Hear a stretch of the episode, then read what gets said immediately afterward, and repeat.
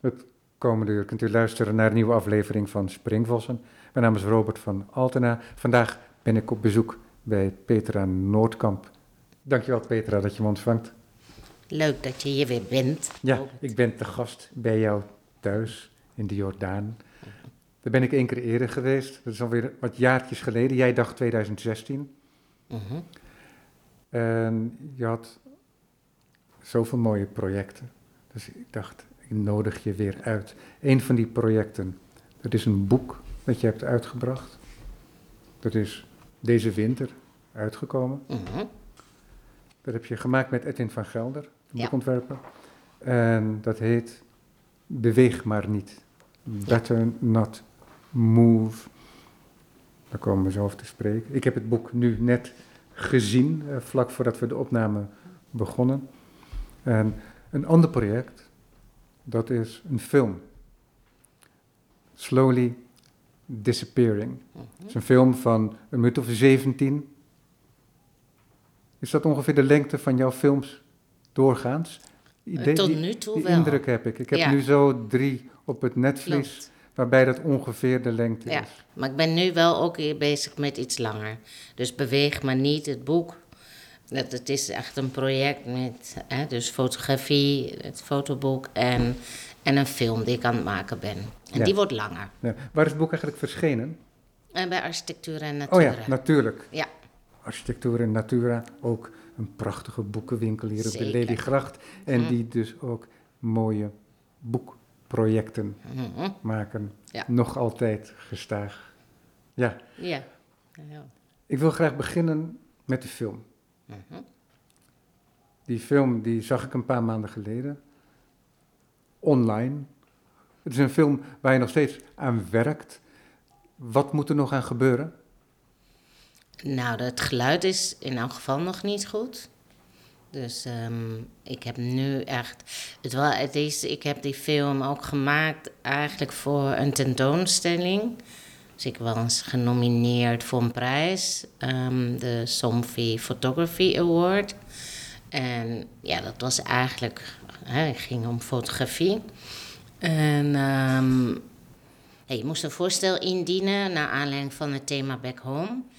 En toen heb ik twee voorstellen ingediend. En één daarvan was dus. ehm, ja, dat zal ik nu. Ja, het ging over de huizen van Antonioni en Bergman. Zal ik zo nog wel meer over vertellen. Maar ik had dus bedacht dat ik in elk geval. ehm, nou ja, ik denk dat ik het even helemaal vanaf het begin moet vertellen. Dus wat ik heb ooit in 2014 was ik op de architectuurbiennale in, eh, in Venetië, die door Rem Koolhaas was ehm, samengesteld. En daar ehm, was, een klein, was een werk te zien ehm, over het huis, La Cupola, dat Antonioni heeft laten eh, bouwen door, de ontwerper daarvan was Dante Bini. En dat was een soort liefdesnest uiteindelijk ook voor Ja, Antonioni zeker. en Monica Vitti, Ja, de actrice die Ja. in veel van zijn films ja. Speelt. Maar tot, nu, tot dan toe hadden eigenlijk wist denk ik in die tijd nog maar een klein clubje mensen van, van dat huis. En, eh, want dat was inmiddels ook helemaal verwaarloosd. En ehm, hè, de Antonioni. Het gebouwd eind dus- jaren 60, begin jaren 70 Ja, ja, ja, eind jaren 60 op Sardinië. op Sardinia. En ehm, ja, dat is dus een plek ehm, die Antonioni voor zijn film Il Deserto Rosso zocht hij een locatie. Maar die, die film vindt eigenlijk plaats in het industriële landschap rondom Ravenna, waar hij zelf ook is opgegroeid. En, maar hij zocht eh, voor, die, eh, voor die film ook een, een. Want daar wordt op een gegeven moment eigenlijk een, in de film door Monica Vitti een, een verhaal verteld aan haar zoontje. Haar zoontje zegt dat hij ziek is, dat hij niet meer kan lopen. En hij ligt in bed en zij vertelt hem dan een verhaal om hem op te vrolijken. En dat gaat over een klein meisje dat op een eiland is en in zee zwemt en daar stemmen. Nou ja, en zij verzint een heel een verhaal. En voor dat gedeelte zocht hij dus plek. En toen, daar, toen belandde hij aan de Costa Paradiso op Sardinia. En dat is dus ja, een werkelijk prachtig landschap met roze rotsen. De, de strand eh, is ook eigenlijk, de kleur is ook roze. Een prachtige blauwe zee. En ehm, daar heeft hij dus, nou ja, en hij werd dus verliefd op dat landschap. En besloot dat hij daar graag iets wilde bouwen. En Monica Vitti, die ehm, ontmoette ehm, tijdens een feestje, heeft zij, had zij ehm, een ontmoeting met Dante Bini. En die was in, zij had over gehoord, geloof ik, of heeft toen te horen gekregen van hem, dat hij dus bolvormige huizen bouwde volgens een bepaalde techniek. Ik kan dat niet precies nu. Maar uiteindelijk, wat je, wat je samenvattend kunt zeggen, is dat het een rond huis is met een koepelgewelf als, als dak. Ja. En dat is, um, ja, een vrij dragende constructie. Ja, en het is op een hele bijzondere manier, want hij deed het met, ja, er werd een soort bol opgeblazen en daar overheen kon uh, beton gestort. Ja. En uh, nou ja, ik zag dat en ik, uh, ik ben enorme liefhebber ja, van Antonioni, van zijn werk. En al jaren vormt zijn werk voor mijn inspiratiebron. En daarnaast ben ik, hè, gaat mijn werk voor een heel groot deel over architectuur. Precies, want dat moet gezegd worden. De plek de monumentale plek speelt bij jou vaak een, uh, een hoofdrol. Ja. ja. Soms gaat een film daar helemaal over. Mm -hmm. Het een landschapsinstallatie van Alberto Burri. Ja. Mm -hmm. Wordt bij jou onderwerp van film. Het wordt personage ja. en tegelijkertijd ook de hele wereld mm -hmm. van die ene film. Ja. Bijvoorbeeld. Ja. Dus toen ik dit tegenkwam, toen, hè, het was echt een kleine presentatie van dit huis. En um, ik geloof eigenlijk maar één beeld. En dus het verhaal over die architect en Antonioni en Monica Vitti. Toen dacht ik, jeetje, daar wil ik heel graag naartoe. Maar ja, dat dachten heel veel uh, bezoekers van de architectuur Biennale in die tijd. Want ja, en dat wel, dus er zijn, uh, ja, het ja, was boven water gehaald. Het was boven het water gehaald en dus daarna zijn er echt uh, behoorlijk wat fotografen, filmmakers geweest. Ik wilde er ook eigenlijk meteen nog die zomer uh, naartoe. Of najaar was het, denk ik. Maar dat lukte niet. Toen was ik geloof ik bezig ook met de Creto-film. Maar goed, het is altijd in mijn hoofd blijven zitten. Dat ik daar eigenlijk zo graag nog naartoe wilde. En daar eigenlijk heel graag een verhaal wilde vertellen. Um, ja, wilde bedenken. Iets wat ik, wat, wat ik met het huis... Maar ik wilde het in elk geval heel graag bezoeken. Ja, wat, wat ik belangrijk vind om nu te vermelden... Want mensen denken, ja, deze kunstenaar... die zoekt dan een bijzondere plek... en die filmt een bijzondere plek. Dat is gemakkelijk. Maar Ja, wat, belang, wat belangrijk is is dat jouw films heel vaak, misschien niet altijd, maar heel vaak ook een soort innerlijk leven weerspiegelen. Mhm.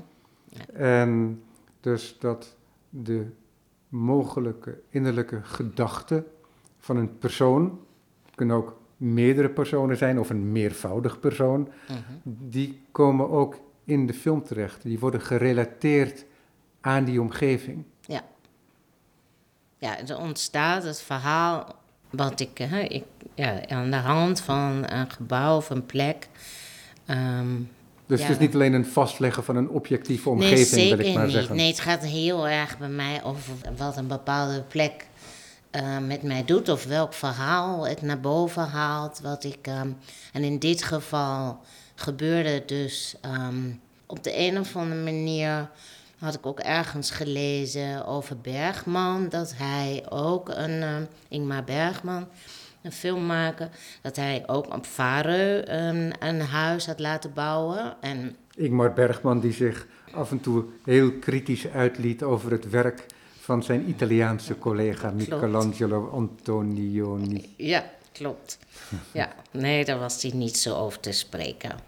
Nee. Ik Hij denk, dat kon, ze, hij kon niet film maken, zei hij, geloof ik. ja, ik denk dat ze te dicht bij elkaar lagen en dat daarom eh, die blik van Bergman, als je dan ziet dat hetzelfde laten we zeggen, materiaal op een andere manier wordt behandeld, ja, dan was dat al verkeerd, want hij bekeek het vanuit zijn eigen kunstenaarschap ja, en hij deed het anders en zijn eigen weg was de juiste weg. Ja. Zoiets. zo ge- zo heb ja. ik dat zelf altijd Nou ja, eh, dat is ingevuld. inderdaad wel. eh, want ik zat er gisteravond nog over na te denken. En ehm, wat dat dan inderdaad was, waarom hij zo ontzettend kritisch. Maar ik denk inderdaad, want ze hadden heel veelzelfde soort thema thematiek natuurlijk. Exact.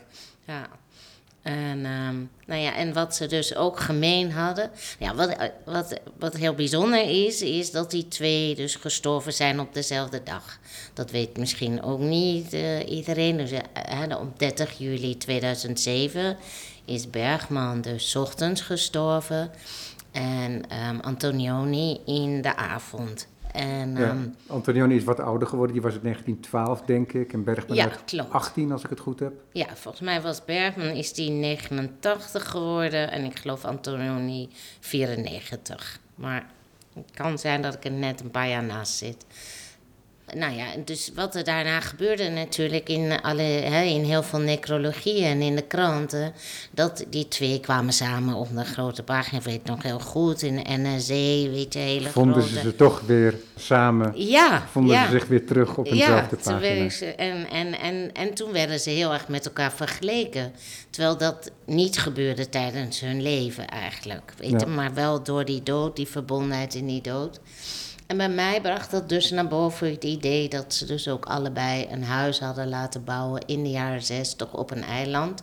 En dat ook, Bergman had ook dat huis, of die plek, Vareu ontdekt doordat hij een locatie zocht voor zijn film Through a Glass Darkly. En ik geloof dat hij dat eigenlijk eerst in Schotland wilde opnemen. Maar toen ehm, zijn ze daar beland in de winter. En, eh, nou ja, en hij raakte dus ook helemaal, hij, ja, hij ervoerde het echt als dit is mijn landschap. Het is ook echt Ja. Mhm. een extra dramatisering, hè? omdat dat, dat eiland is dat nog noordelijker ligt dan de Shetlands. Ja. Dat ergens zweeft boven Schotland en het bevindt zich Nee, ergens... nee, want het is, nee, nee, want dat, het, zijn niet de Faroe Oh, echt waar? Oh, dat heb ik altijd gedacht. nee, het is Vareu, dat hoort bij Scotland. Ah, en het ligt onder Zweden. Oh, oké. Dat Nee, heb nee, ik nee. altijd, zo heb ik dat altijd ingevuld. Nee, Wat een geweldige nee. vergissing. Ja, nee, dat er heel veel mensen wel dachten dat ik daar naartoe ging. Ja. Maar het is dus onder Zweden een, Ah, een paar uur Ja, met een veerboot. Ja. ja. Nee, dus eh, ja, ik vond dat dus. Ik had al eens een keer bedacht van ik zou daar iets mee willen doen met die twee hè, de hele be- belangrijke en ook voor mij belangrijke filmmakers en die huizen. En ik zocht naar iets om dat met elkaar in verband te brengen. Ja, maar het is zo interessant hè, dat jij dat doet. Want wat ik al zei, het is al zo beladen. Ja, Hè? Eh, ja. Twee, van, eh, twee van de grootste filmmakers uit die 20e eeuw, die de Mhm. Ja. eeuw van de cinema is. Ja. Hè, want dat, Mhm. dat was nog niet zo oud. En die dan ook nog een keertje mekaars tijdgenoten zijn en wedijveren misschien zelfs wel. Ja, En die dan samen ook nog in één film behandeld moeten worden. het, het is een beetje veel, ja. Of eh, uitdaging, ik denk ook niet. Ja. ja, daar word ik, vind ik soms ook. Ik moet er niet te veel over nadenken. Nee, maar het is heel interessant Ja. wat je daar uiteindelijk mee doet en hoe je ermee omgaat. Ja. Want je haalt het helemaal ook naar jezelf toe. Mhm. Nee, wat ik inderdaad, wat er gewoon, ge- eh, toen ik dacht van, oké, ik wil daar iets mee. En ik, ik zag, ehm, want eigenlijk zou het dus een fotografieproject zijn. Dus toen had ik alleen bedacht van, ik wil vooral dat landschap, en nee, die contrasten in dat landschap eh, laten zien. Ehm, maar toen kwam ik in het museum waar uiteindelijk dit een, de tentoonstelling voor die Somfy Award plaats zou vinden. En toen zag ik daar twee ruimtes die ik echt heel mooi vond. Hele klassieke stijlkamers, heel wit. En was ik, ja, of tenminste, hè, dat was een ruimte. Ik kon daarvoor ik kon kiezen tussen bepaalde. En ik zag die twee kamers en ik dacht, oh ja, daar wil ik, zou ik heel graag ehm, ook een film willen laten zien. Dus toen kwam het idee dat ik dacht, oké, maar wat ga ik dan vertellen? Dus door de ruimte komt het idee de van een ruimte, film op. ja, En, Ja. en, en in jouw hoofd natuurlijk ook al die gerichtheid naar dat project. ja, Ja, ja.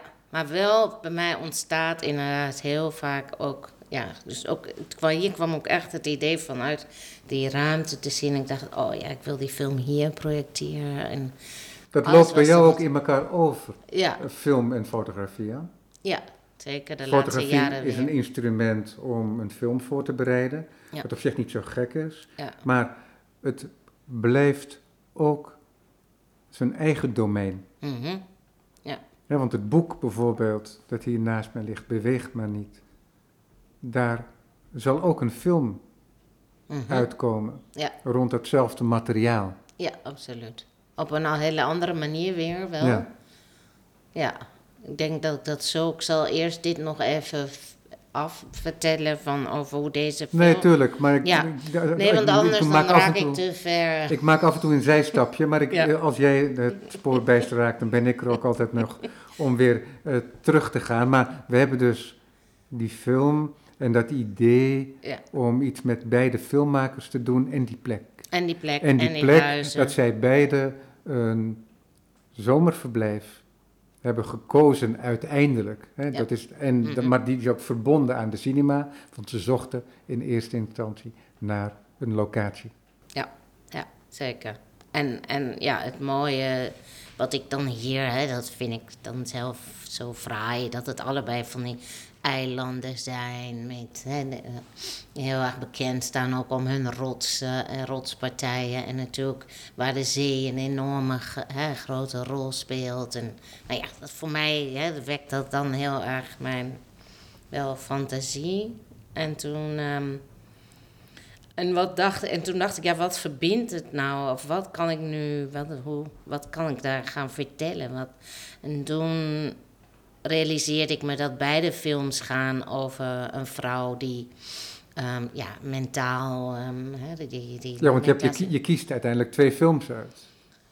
Nou nee, dit, dit zijn echt de films waardoor zij dus Il Deserto Rosso... Oh, dat zijn en- ook die films die geleid hebben tot het zoeken naar die plek en het vinden van die plek. Ja, dus dat is echt Il Deserto Rosso, die scène. Daardoor is de Ach Antonioni naar Sardinië gegaan. Ja. En bij ehm ja, de True Class Darkling, Ja. kijk, ehm, natuurlijk bij Bergman ga je vaak zijn films wel over iemand eh, die mentaal Getroubleerd is. getroubleerd is. Ehm, en ook wel bij Antonioni, maar toch anders. Hè? Bij, bij, bij Bergman speelt het natuurlijk wel echt veel vaker een grotere rol. En, ehm, en toen dacht ik, en op dat moment ging het met mijzelf ook niet zo goed. En kwam ik net uit een relatie die op een heel even. Eerst was jarenlang, of nou, jarenlang, wat zeg ik nu? Ik, mijn, mijn, mijn ja, geliefde was overleden. Ehm, is overleden drieënhalf jaar geleden. Daar gaat dus onder andere mijn project Beweeg maar niet over. Of niet plotseling. onder andere, plotseling aan een hartstilstand. En ehm, ja, toch, ja, een klein jaar na zijn dood, hè, dan kreeg ik een nieuwe relatie, maar die liep niet zo goed. En anyway, hij eindigde op een hele nare manier. En ehm, ik eh, verloor mezelf. Het was ik was natuurlijk al best ehm, heel erg verdrietig. Maar toen had ik echt het gevoel dat ik mezelf begon te verliezen. En waar gewoon te veel dingen gebeurd die zo, ehm, die zo heftig waren. Dat ik wel ja, momenten had van dat ik me echt realiseerde, ja, het scheelt niet veel of je gaat, zeg maar, over een rand en, en eh, je, je verliest jezelf. En toen dacht ik, ja, dat is natuurlijk ook, hè, dat gebeurt dus ook in die film. En toen dacht ik, oh ja, dat vond ik dus, ik heb wel vaker dat ik gewoon een persoonlijke ervaring of, een, of iets wat ik heb meegemaakt gebruik. En, eh, en toen dacht ik, ehm, ja, hier wil ik wel iets mee doen met dat gevoel van eh, je, dat je jezelf langzaam verliest, zeg maar. En toen heb ik Jente Postuma, schrijfster, benaderd. eh, die ehm, zelf, eh, of ja, die wel vaker ook, die ook wel heel erg schrijft over mensen die in haar boeken, ehm voor menselijke gebreken en mensen. En Zij heeft het zelf in een later verhaal. Ze heeft onlangs een verhaal gepubliceerd waarin ze schrijft dat ik vertelde wat ik wilde doen. En dat ik toen zei van ja, ik wil graag een verhaal schrijven eh, over iemand die gek wordt. En toen dacht ik aan jou. En ehm, nee. maar ja, dat was ook wel een beetje zo. Nou ja, en toen hebben wij samen eigenlijk door lange gesprekken een, eh, een verhaal ontwikkeld. Waar ook de sociale media een grote rol in speelt. Omdat ik me daar ook de neiging had ook om me daarin te verliezen. Ja, want wat er gebeurt is dat alle twee de locaties die worden gefilmd. Ja, En het interessante is, is dat je dat ook echt fragmenteert. Hè, dus het is niet zo dat we hier een soort architectuurfotografie uitgewerkt zien in film. Mhm. Daar gaat het niet om. Het gaat erom dat het een, een plek is. Ja. Daar gaat het om, ja een plek, uiteindelijk. plek die bepaalde emoties Ja. oproept, denk ik. Ja. En dat die beelden van die locaties, die worden ook in een ruime manier opgezet. Want ze bevinden zich alle twee in een hele minerale omgeving. Mhm. Rotskusten, Mhm. een zee. En dat wordt ook meegenomen. Ja. De kleur is anders. Mhm. Hè, waar het wat grijzer is. Ja. In Faroe is het bijna een soort huidkleur Mhm. op Sardinië. Ja, ja. En, ja, dat vond ik ook wel heel mooi. Om...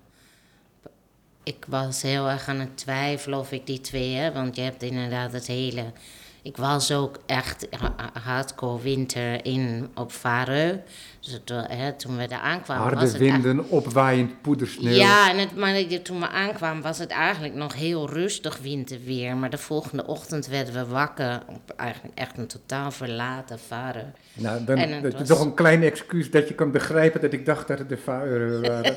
Het zag er zo woest uit op dat moment. Nou ja, dat Ja. was het. Het was ongelooflijk. Er was zo'n ontzettende sneeuwstorm aan. Dat was, en het was prachtig. Ja. Maar wat heel mooi is, is dat daarmee ook het weer en het buiten zijn Mhm. en het idee van het buitenhuis daardoor ook benadrukt wordt.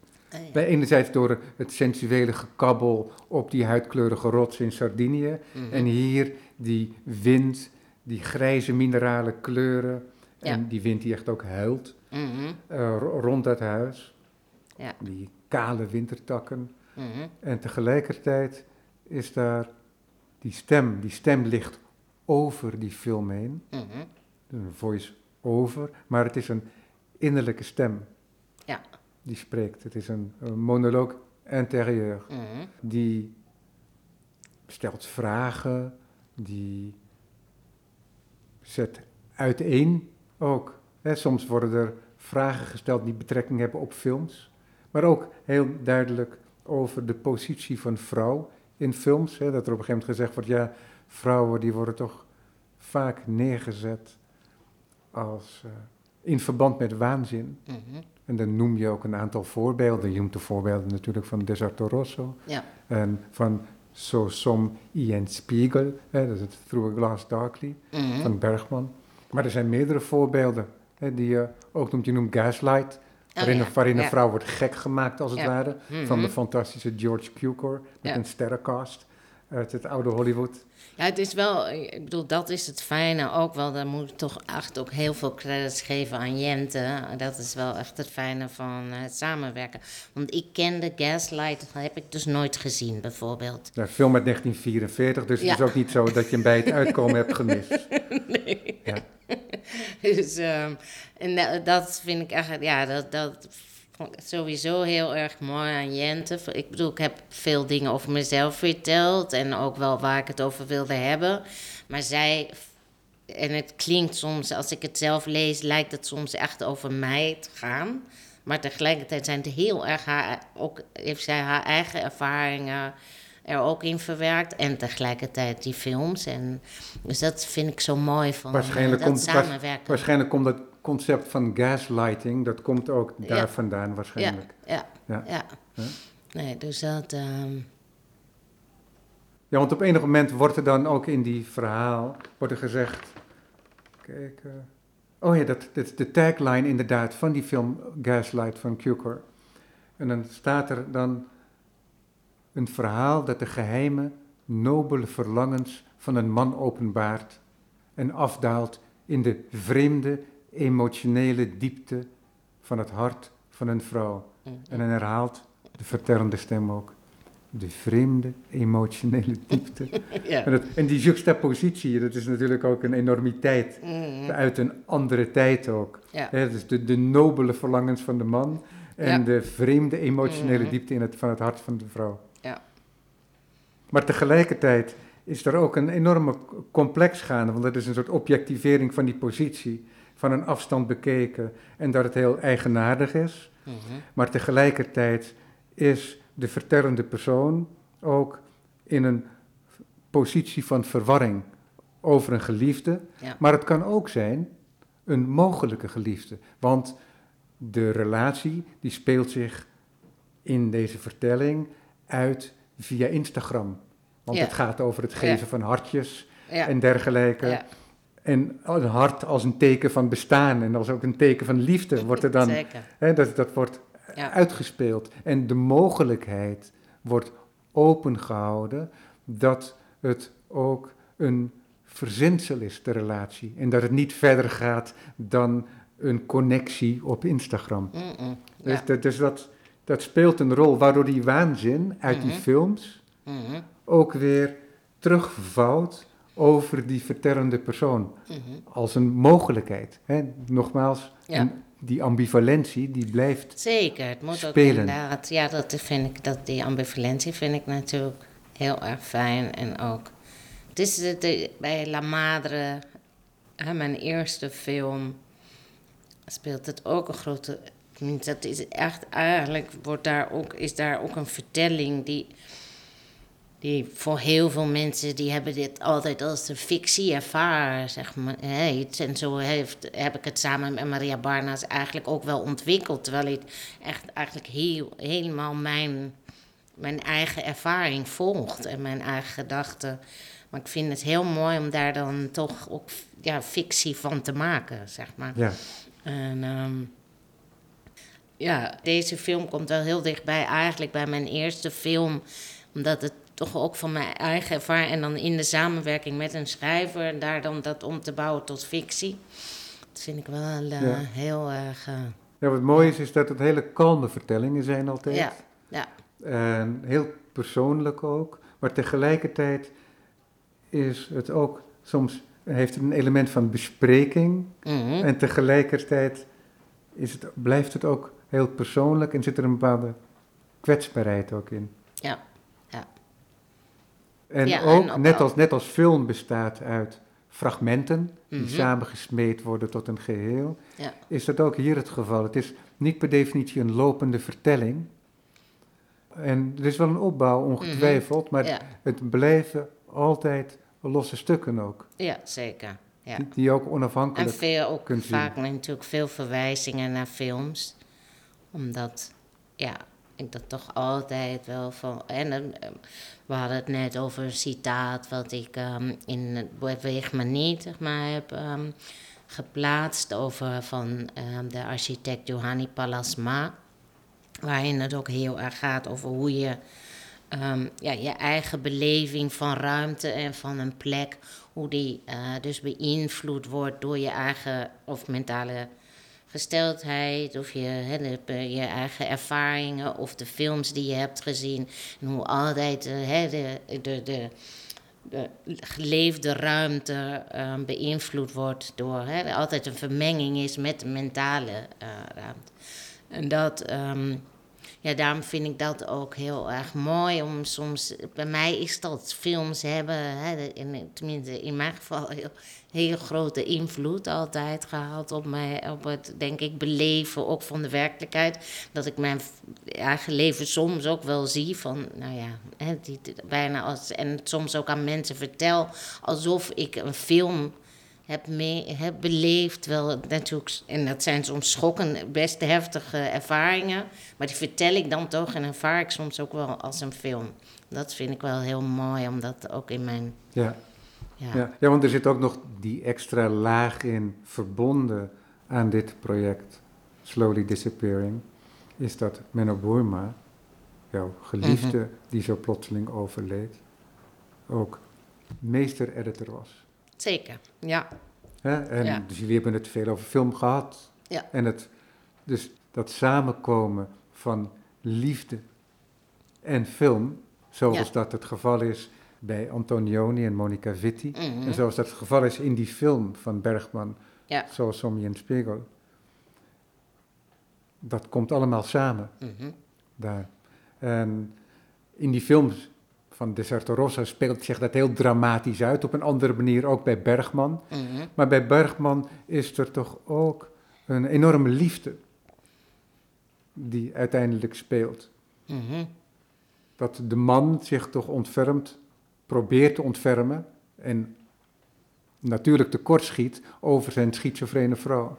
Ja, ja, in het zeker. De vader heeft daar natuurlijk een andere rol in bij True Klaus Dat is, een, Darkling. dat is een kunstenaar. En Dat die, is een en- kunstenaar. En, en, eigenlijk Die een kunstenaar die bij- grote ambitie heeft, Ja. maar zijn talent evenaart zijn ambitie niet. Nee, hè, Maar want- heeft wel de, het bij, bijkomende egocentrisme om zich volledig te richten op die kunst als romanschrijver. Ja. Nee, want hij ziet inderdaad bijna zijn dochter, nou ja, dat niet helemaal, maar hij gebruikt het ook, haar toestand als, als materiaal. En, Ja. ehm, ja. Ja, maar dat speelt ook allemaal door elkaar en dat loopt. Ja. En dat wordt niet benadrukt, dat Nee. wordt niet gezegd, hè, want Nee. de naam Menno valt niet in de film. Nee, Dus maar dit, dit gaat ook wel, dit, dit, dit project, dat, dat is niet heel erg gerelateerd aan mij. Nee, tuurlijk, Nee. maar ik weet, ik, ik ben op de Ja. hoogte van dat autobiografische feit. Ja, En ik kan me er niet los van maken van het Mhm. idee dat het voor jou mhm, ehm, wel een soort natuurlijke rol heeft gespeeld ja. in die film.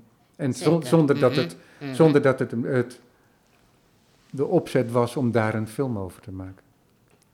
Ja, nee, zeker. Daar, nee, nou, nou, ik, de film die, die wel gaat over, zeg maar, de, dus be- beweeg maar niet het boek. En, en ook de film die ik maak, die gaat, ja, dat is wel in die zin echt het meest autobiografische wat ik tot nu toe eh, heb gemaakt. Ja, want dat is heel interessant. Kijk, Ja. ik heb hier het boek voor me liggen. Op de voorkant, op gekleurd papier, een rots die uit het straatwerk omhoog komt. Mhm, Dus het straatwerk is om de rots gegoten en gelegd. mhm.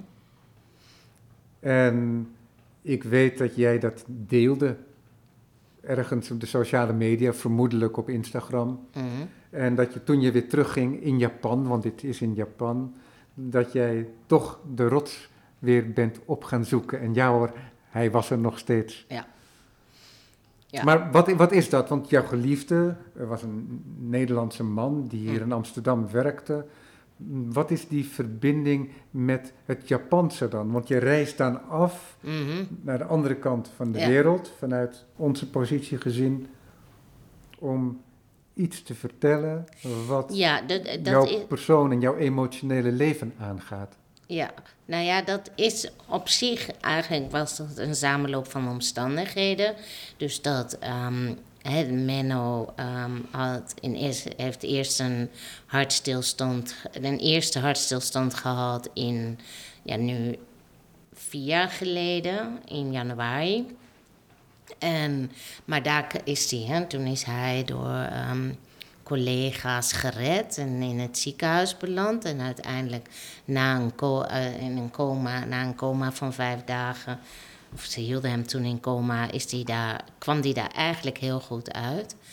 Ehm, en in die tijd ben ik, toen hij, en toen kwam hij bij mij wonen. En in die tijd heb ik een aanvraag gedaan, gedaan voor een residency naar Japan omdat ik daar eigenlijk al heel lang naartoe wilde. En dat kwam voort ook, onder andere door dus, ehm, de film de, Il Grande Cretto. ehm, waar ik dat, eh, de, het contemplatieve van die plek, van, de, van ehm, het werk van Alberto Buri... wat ik daar heel erg in die film heb benadrukt... en waar ik ja, heel, ehm, ja, daar wilde ik verder mee, met, met dat zijn of met dat ervaren. En toen dacht ik, ik wilde eigenlijk in Japan heel erg graag meer onderzoek doen naar contemplatieve ruimtes en naar meditatieve plekken en naar de zentuinen. En, ehm, maar tegelijkertijd Ehm, ja, ik weet niet hoeveel tijd we nog hebben, maar ik wilde. Hoeveel, waar zijn we? Hebben we nog even? Ja, we hebben nog wel 20 minuten. Oké, want ik, we hadden, ehm, in de afgelopen jaren heb dus, de Creto ging daar onder andere ook over, over aardbevingen in, ehm, in Italië eigenlijk. Mijn eerste drie films gaan over de stad Jebelina, die door een aardbeving ehm, is verwoest in eh, eind jaren 60.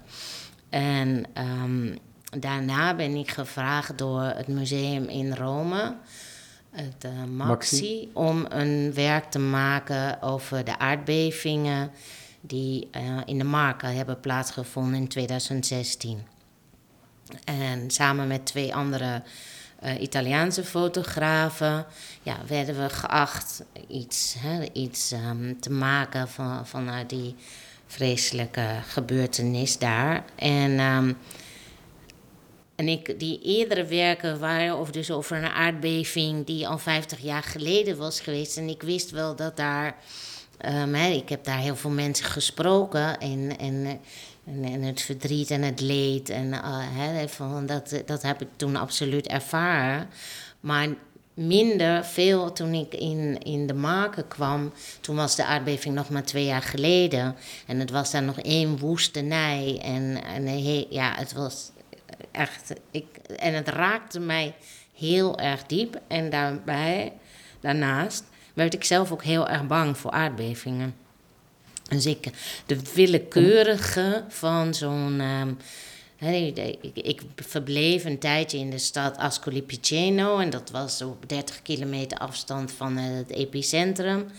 En ehm, dus dat was een beetje rondom Arquata del Tronto. Dat waren dorpen die waren helemaal verwoest. En eh, eh, ja, Ascoli Piceno, prachtig stadje. En daar, want die hadden absoluut ook eh, de last van de beving gehad. Waar ook wel dingen, hè, de huizen die daar, zeg maar, nou ja, meer breuken. Nou, en ik raakte daar heel erg in paniek. Ik kreeg daar voor het eerst eigenlijk last van eh, paniekaanvallen. En eh, vond het. ehm, en ehm, dat ik eh, heel erg bang werd in smalle steegjes en, en, en op grote pleinen me dan wel veilig voelde. En ik heb toen. ehm, ja, ik, ik wilde eigenlijk toen iets met die angst wel doen. Omdat ik ook in de gesprekken met de mensen die ik daar had over de aardbeving. Ja, eh, want het, ze vinden daar één keer in de acht jaar, vindt daar eigenlijk in dat gebied, Umbrië, de Marken, eigenlijk wel een grote aardbeving plaats. Dus mensen hebben daar echt heel veel last, wel van angst. Van, hè, dat het, en ook tijdens ons project vond er ook weer één plaats. En toen werd ons ook door het museum gezegd van, nou, ga nu maar even niet het gebied in. Van, en, het is allemaal heel erg onzeker. Nou ja, en toen ging ik dus een aanvraag doen voor die residency in Japan. En omdat ik weet dat daar heel veel aardbevingen plaatsvinden. Ehm, en, ehm, en ik ook na Menno's hartstilstand nee, had ik ook last gekregen van paniekaanvallen. En, en was ik heel bang geworden. Natuurlijk dat hij zou overlijden, maar ook voor mezelf. En toen dacht ik, ik wil die angst wil ik onderzoeken. Ik wil kijken wat het is en ook hoe Japanners daarmee omgaan. Omdat het daar natuurlijk zo, ja, echt een, bijna dagelijks bij wijze van spreken. Elke paar maanden vindt in elk geval een behoorlijke beving plaats. Hoe zij daarmee omgaan. Dus dat heb ik toen. Ja, hè, mijn aanvraag ging toen. Ik wil eigenlijk naar die meditatieve, contemplatieve plekken. Maar ik wil ook naar. ehm, en ik wil ook die angst onderzoeken en kijken. Dat, die, hè, aardbevingen en angst. Ja, dat was in april heb ik toen die aanvraag gedaan. En toen overleed, dus in juni overleed Menno. Onverwacht aan een tweede hartstilstand. En een maand later hoorde ik dat ik werd geselecteerd voor die, ehm, voor die residency. Dus toen ben ik een half jaar daarna ben ik, ehm, ja, ging ik dus naar Japan. En ik vond het heel erg fijn. Eh, het was en natuurlijk heel moeilijk, maar tegelijkertijd ik vond het ook heel fijn om weg te zijn van alle herinneringen hier. En om naar zo'n nieuwe plek te gaan. Maar tegelijkertijd was ik ook heel, ik was ook heel bang. Ik was echt bang voor die aardbevingen. En ehm, nu, nou ja, het, het voelt misschien te ver om te vertellen, maar nu was ik, nu terug was Ik ben onlangs terug geweest na drie jaar. En ik merkte in mijn film, ik wil dus het project Beweeg maar niet, ehm, gaat het heel erg, eigenlijk maak ik een connectie tussen die, ehm, een, of, de gebeurtenis van een hartstilstand met een, een, een aardbeving. Hè, het gaat allebei over natuurlijk dingen waar we geen controle over hebben. En, en mijn film gaat vooral heel erg over die behoefte om weer controle te willen. Eh, en ja, nu merkte ik ook, nu ik terug was in Japan, dan drie jaar dus na, na de vorige keer, dat ik inderdaad, dat, ehm, ik was niet meer zo bang. Weet je, het verdriet, dat, en dat had toch die link die ik, die, want de, vorige keer was ik, daar heb ik dus het heel erg leuk gehad, maar ik was ook heel erg angstig en heel verdrietig. En, ehm, dus het project gaat daarover. Maar het gaat ook wel over de behoefte om ja, dat je een soort zin zoekt. Want wat is er in het boek bijvoorbeeld, en dat gebeurt ook in de film, dus daar vermeng ik beelden hè, van Japan met ehm, spullen van Menno. En, ehm, en daarin draait bijvoorbeeld een Japans servies. We hebben nu die pagina open liggen. Het speelt er wel een belangrijke rol in, omdat Menno had een oud-oom uit Groningen, maar die is daarna is zelfs op jonge leeftijd naar Japan vertrokken. En had daar een handelsmaatschappij met zijn broer. En die is, was getrouwd met een Japanse vrouw. En zij, ehm, hij heeft daar bijna zijn hele leven gewoond. En heeft daar ook de aardbeving, de grote aardbeving van ehm, 1923 meegemaakt. En die hebben zij overleefd. En Menno heeft dus een Japans theeservies van die oom georven. En dat heb ik dus nu. En, en ik, ja, voor mij, die, die, die oom, ik maak een soort verbinding tussen Menno, mijn tijd in Japan, en die oudoom.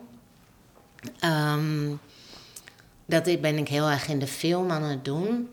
En voor mij gaat het dus ook heel erg over, ja, een soort van, dat je denkt, je wilt heel graag zo'n gebeurtenis, dat je het een soort zin, waarom? Weet je, Menno was echt een geweldige man. Behalve een heel lieve man, een ongelooflijke begaafde editor die heel veel mensen hielp. En, dat- hun films naar ja, geweldige werken, tot geweldige werken maakte. Dus je, het is natuurlijk, ja, dat is de dood, is heel, dat is natuurlijk enorm moeilijk te bevatten. Maar dat voor mij heeft dan dus dat die link, dat ik, maakte, ik maakte er een verhaal eigenlijk van mijn, mijn tijd in Japan. En dat, ja, die, want het heeft in wezen natuurlijk, ja, die twee hebben op zich weinig met elkaar te maken. Wat er mee te maken heeft, is toch ook die kwetsbaarheid. Ja. Die je daar ervoor Mhm. Uitvergroot Ja. en verbonden met de geologische toestand Ja. van het land, Ja. de aardbevingen. En die aardbevingen die waren bijna een veruitwendiging voor die innerlijke emotionele beving van het overlijden van Menno. Als ik dan de goedkope psycholoog mag uithangen. Maar dat speelt wel een rol daarin. Dus dat is wel een Mhm. hele sterke verbinding. Ja. En het is ook mooi om die twee uitersten, Mhm. een persoon, een geliefde, hier, en Mhm. de spullen die resten nu hij er niet meer is. Ik heb hem nu openstaan op een pagina waarin een beeld is te zien. En dat beeldje dat staat hier, Achter. Achter. mij? Ja. ik zie het over, Ja. je, over je rechterschouder heen, zie ik dat beeldje Mhm. rechtop staan. Ja. En dan zie ik ook opeens de schaal. Want de schaal verdwijnt in de foto. Ja, ja, ja, zeker. Op de foto zou het ook een beeldje van een paar centimeter kunnen zijn, Ja. maar het is, een paar, groot. maar ja. het is een paar decimeter. Ja. En, eh, maar die verbinding, die is er. En het, het feit dat die schaal zoek raakt, Mhm. dat wil ook zeggen dat het in dat boek terechtkomt in een andere ruimte.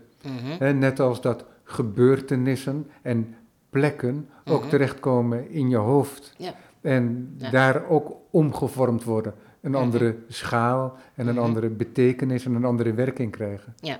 Ja. Dus in, de, in zekere zin is dit een soort veruitwendiging, zou je Mhm. kunnen zeggen, van die vervorming Ja. die ook kan plaatsvinden in je hoofd. Hè? En die ruimte waar ik dan naar verwijs nu is de ruimte van het boek. Ja, en in het boek is er veel meer, zeg maar, gaat het ook ehm, anders dan in de film. Vanuit de film, dat vertel ik wel heel erg verhaal vanuit de angst, zeg maar, en de paniek. Eh, maar in het boek gaat het wel heel erg eigenlijk ook juist over de plekken die mij troost boden. De, hè, die, de, ja, mijn behoefte aan schoonheid en hoe de. En, maar ook ja, de schoonheid van hele dagelijkse dingen. Van, eh, of dagelijkse dingen. eh, de, de, stenen die je daar tegenkomt, de wortelstronken. En dan niet meteen hele bijzondere, opmerkelijke, maar juist soms hele gewone beelden die mij. eh, ja, ik keek ook heel veel naar de grond. ik weet niet of dat. Normaal ben ik meer zo op de horizon Ja, gericht. er, zijn maar heel, er zijn heel veel structuren zijn Heel er ook veel opgenomen. En, eh, ja. En die structuur, maar dat, dat merkte ik gewoon van, daar, daar kon ik me zo in verliezen. Ik Ja, vond het is het- heel mooi vertaald, sorry dat ik je onderbreek, Nee, maar dat is heel mooi vertaald.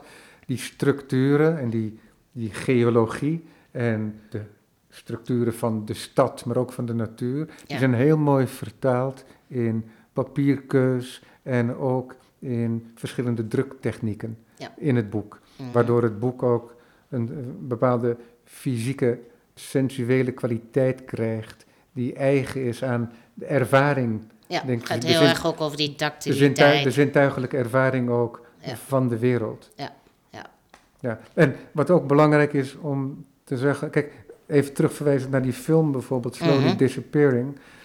Het kan heel dramatisch overkomen als wij er zo over vertellen, maar Ja. tegelijkertijd zit er ook iets heel humoristisch Ja. in. Maar zonder dat er nou grappen en grollen worden uitgehaald, verschijnt er af en toe in beeld ook. Ja, dit contact is geblokkeerd. Je kunt hier klikken om het te deblokkeren. Ja. Verschijnt er af en toe in beeld. Dus je, er wordt een heel licht spel gespeeld ook. En dat lichte spel wordt ook verbonden met de titel Slowly Disappearing. Met een fragment of een verwijzing naar Deconstructing Harry van Woody Allen. Ja. Ik moet erin denken omdat ik Mhm. ook Allen hier in dit boek zojuist Ja. langs zie komen. Mhm. Want dan is er eh, de, hoofdpersoon, ik denk eh, Woody Allen zelf, Mhm. die raakt op een gegeven Nee, moment... Robin Williams. Robin Williams. En die Ja. raakt out of focus. Ja, ja. En dat kun je zeggen hè, als een soort transpositie Mhm. in metaforische zin over een figuur. Alleen wat we hier zien gebeuren is dat we inderdaad in een scène eh, die, dat personage Ja. eh, vaag zien worden. Het is You're, scène. you're, you're out of focus. Ja, en dan komt hij thuis en als hij, zeg maar, hij, wo- hij, hij wordt gefilmd en dan zegt de cameraman, die zegt van, you're out of focus, he's out of focus. En dan iedereen, oké, nou, zet de, hè, doe de lens dan, zet de lens, stel de lens beter af. Nee, maar hij is echt, kijk, wezen- diegene die, na- diegene die Ja. naast hem staat, die is, die is scherp, maar hij is out of focus. Ja. Nou ja, dan zegt ze tegen hem van, oké, maar wat is er met je? Ga maar naar huis, weet je, van... ehm, van, want ja, je, je, je blijkt, blijkbaar je voelt je niet goed of wat is je bent, En dan gaat hij naar huis en dan komt hij ook, en dan zie je hem echt zo dit huis binnenkomen, ook out of focus. En dan zegt zijn vrouw, Hé, wat is er met je aan de hand? You're so soft, you're so soft. Het is zo geniale scène. Ja, ja, maar dat is heel mooi in combinatie. Het is geniaal ingezet, hè? Ja. Want het is een trucje, zou je kunnen Zeker, zeggen. tuurlijk, Maar ja. het is heel goed ingezet. Waardoor het heel waardevol wordt in die film. Ook in relatie tot die titel, Deconstructing Harry. ja, En textualisme en dergelijke. Maar ook mooi dat dat opkomt in die film. En dat die relatie van de objectieve wereld, die geologische wereld die er voor ons was en na ons zal zijn, Mhm. en die architectuur die op een gegeven moment ook weer zal verdwijnen. Ja, ja, Hè, ja. We zien de La Cupola zien we al Die verdwijnen, is, eh, want dat is al behoorlijk aan erosie onderhevig. Mhm. En dat dat in verband wordt gebracht ook met die filmische wereld. Ja, Daarin dat verdwijnen en dat idee dat het een veruitwendiging is van een geestelijke toestand. ja, Dus in die zin ja, eh, bewegen we dus heen en weer tussen die fysieke wereld en die geestelijke wereld. Ja, dat vind ik ook wel. Kijk, op, eh, ik was dus nog, hè, nog nooit. Ik wist een beetje natuurlijk wel hoe het eruit zag. Ook uh, de, de, de, de Il Deserto Rosso. Maar toen ik daar kwam en ook wel toen ik erover nadacht, dat daar natuurlijk die, die roze rotsen, dacht ik, ja, eigenlijk moet toch de film. Hè, ik dacht eerst van, ja, het gaat over een vrouw die zich dus inderdaad echt helemaal langzaam gaat verliezen. En, helemaal, en toen dacht ik, oh ja, maar je kunt natuurlijk ook maar door die roze rotsen dacht ik, nee, maar het wordt zachter, het wordt beter of zo. Dus ik dacht, ja, misschien moet het toch langzaam naar iets wat, hè, wel een soort verbetering in haar toestand, zeg maar. Um, in een verhaal. En dan dacht ik, oh ja, je kunt ook langzaam, hè, langzaam, het kan ook, de pijn kan ook langzaam verdwijnen. Ja, er zit één beeld in. En jij doet niet zo heel erg aan eh, symboliserende beelden. Dat, nee, maar er zit één beeld in dat jij door het grote glazen venster mhm. van La Cupola filmt vanaf het terras. Ja. En dan zie je, ondanks de spiegeling, mhm. je ziet het terras, zie je, mhm. achter jou. Ja. En een, een rots, een flinke steen, die op het terras ligt. Maar in de spiegeling mhm. neemt die steen plaats, wordt die gedragen door een mhm. stoel die binnen staat. Dus de reflectie mhm. en het, de doorkijk komen daarin samen. Ja. En dat is een rariteit, omdat die stoel veel te fragiel is om die enorme steen te dragen, zou je denken. En ze lijken in beeld gedragen te worden, maar het is een illusie. En dat is heel mooi omdat dat voor mij ook een soort zinnebeelding was van het idee van die geestelijke wereld en de fysieke wereld. Ja. En de verschillende krachten en die dan mooi zo samenkomen in die film. Ja, ik vind dat ook het mooie van wat ik gewoon. Ik zat ook gisteren. Uh, ik film dan meestal. Ik zal dat beeld wel delen als stil, als ik oh, heel goed. mag. Uh, ja, zeker. Ik vind het, ik vind het te aardig. Ik film altijd zelf en ik ben, moet eerlijk zeggen, niet altijd technisch enorm begaafd. Maar ik, ik, het gaat wel heel erg over kijken. En dat vind ik zo fijn van aan dat zelf filmen. Ik denk dat is toch heel anders als je ernaast staat als regisseur. En dat ik dan opeens dingen zie. Dat ik dan op, ja. weet je, opeens denk, oh ja. En maar bijvoorbeeld, wat ik, ik weet van heel veel filmmakers, die gaan natuurlijk, net als, uh, net als Bergman en Anton, gaan eerst naar een plek en die plek bekijken en dan kijken, oké, we gaan hier iets filmen. Maar bij mij ontstaat het, want zo toen we op Varen aankwamen, en, en opeens de volgende dag die sneeuwstorm. dacht ik, ja, maar nu moeten we echt, we moeten, ik moet meteen gaan filmen. Want dat, dat gaf natuurlijk ook, kon daar zo goed iets mee doen, ook om mijn gemoedstoestand. En het was zo intens. Dus dan, ik raak dan wel ook lichtelijk in paniek altijd. Omdat ik denk, dit is zo uniek. Nu, nu moet ik echt goede beelden schieten en zo. En het was ook maar één dag eigenlijk. Ja, ik ik denk daar dan ook altijd mee heel veel plezier. Het was super intens. En, en, want ik ken het hele eiland nog niet. Dus ik dacht, nou ja, ga maar hier naartoe rijden. En, maar die, uh, ja, en, ja, ik hoop ook wel dat je soms iets voelt van die ervaringen. Ook inderdaad in die film. Maar meestal, nou ja. Dat is wel interessant, hè? want in de kunst is het normaal gesproken zo dat de manier waarop het tot stand wordt gebracht. Ja. Niet altijd, want sommige mensen thematiseren het. Maar de manier waarop iets tot stand komt, um, wordt niet getoond. Nee, klopt. Ja. ja. ja.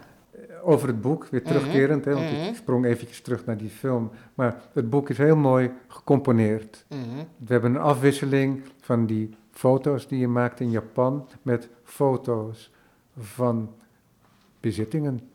Hele bescheiden bezittingen ook. Bescheiden van. Menno. Heb hier een metalen kroes. Ja, een, een pagina. Die hij en, en op, uh, op verschillend papier en afgewisseld dus ook met foto, Japan, foto, object en fragment uit scenario's van films. Ja, ja die komen uit dus inderdaad pocketboeken die ik al heel lang verzamel, filmscenario's.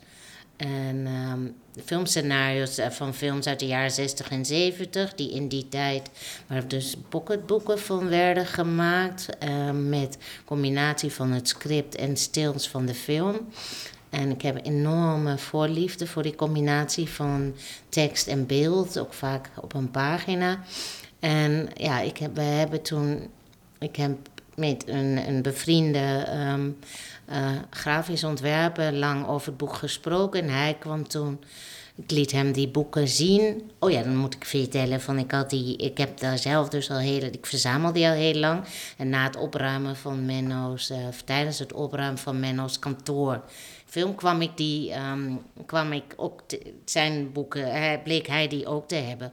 En uiteindelijk hebben we dus, omdat wij ons verbonden, hè, waren verbonden in film, ik heb hem daardoor leren kennen, omdat ik hem had gevraagd als editor, hebben we fragmenten uit die scenario's gekozen voor, ehm, ehm, en die voor mij raken aan waar het boek over gaat. Dus, ja, waardoor het weer samenkomt en waardoor het kunstwerk van de filmers ook weer persoonlijk wordt gemaakt. Ja, ja. En dat je als het ware spreekt via die films. Ja, ja. Ja, ja. sorry dat ik nu dit gesprek moet afbreken, want we zijn aan het einde van het uur en we zijn eigenlijk nog lang niet uitgesproken over dat project. Ik dank je ervoor dat je met me over je boek wilde spreken. Mm Graag gedaan. En over de film die nog niet helemaal af is, mhm. wel al ergens te zien is geweest. Is er al een nieuw projectiemoment? Um, voorlopig geloof ik nog niet. Misschien in, uh, in Cannes. Kijk, nou, dat zou mooi zijn. Petra Noordkamp, mhm. hartelijk dank. Jouw boek, Beweeg maar niet. Mhm. Uitgebracht bij Architectura et Natura. Ja, vormgegeven door Main Studio, Edwin van Gelder. En die is al te verkrijgen en dat, dat is een prachtig project. En dus de film die hopelijk op allerlei Hij is nu nog te zien, Slowly Disappearing is nu nog te zien in het Fotomuseum aan het Vrijthof tot eind januari. Kijk, ja. dat is een mooie toevoeging. Mm -hmm. Dankjewel. Dankjewel. En dank ook voor het luisteren.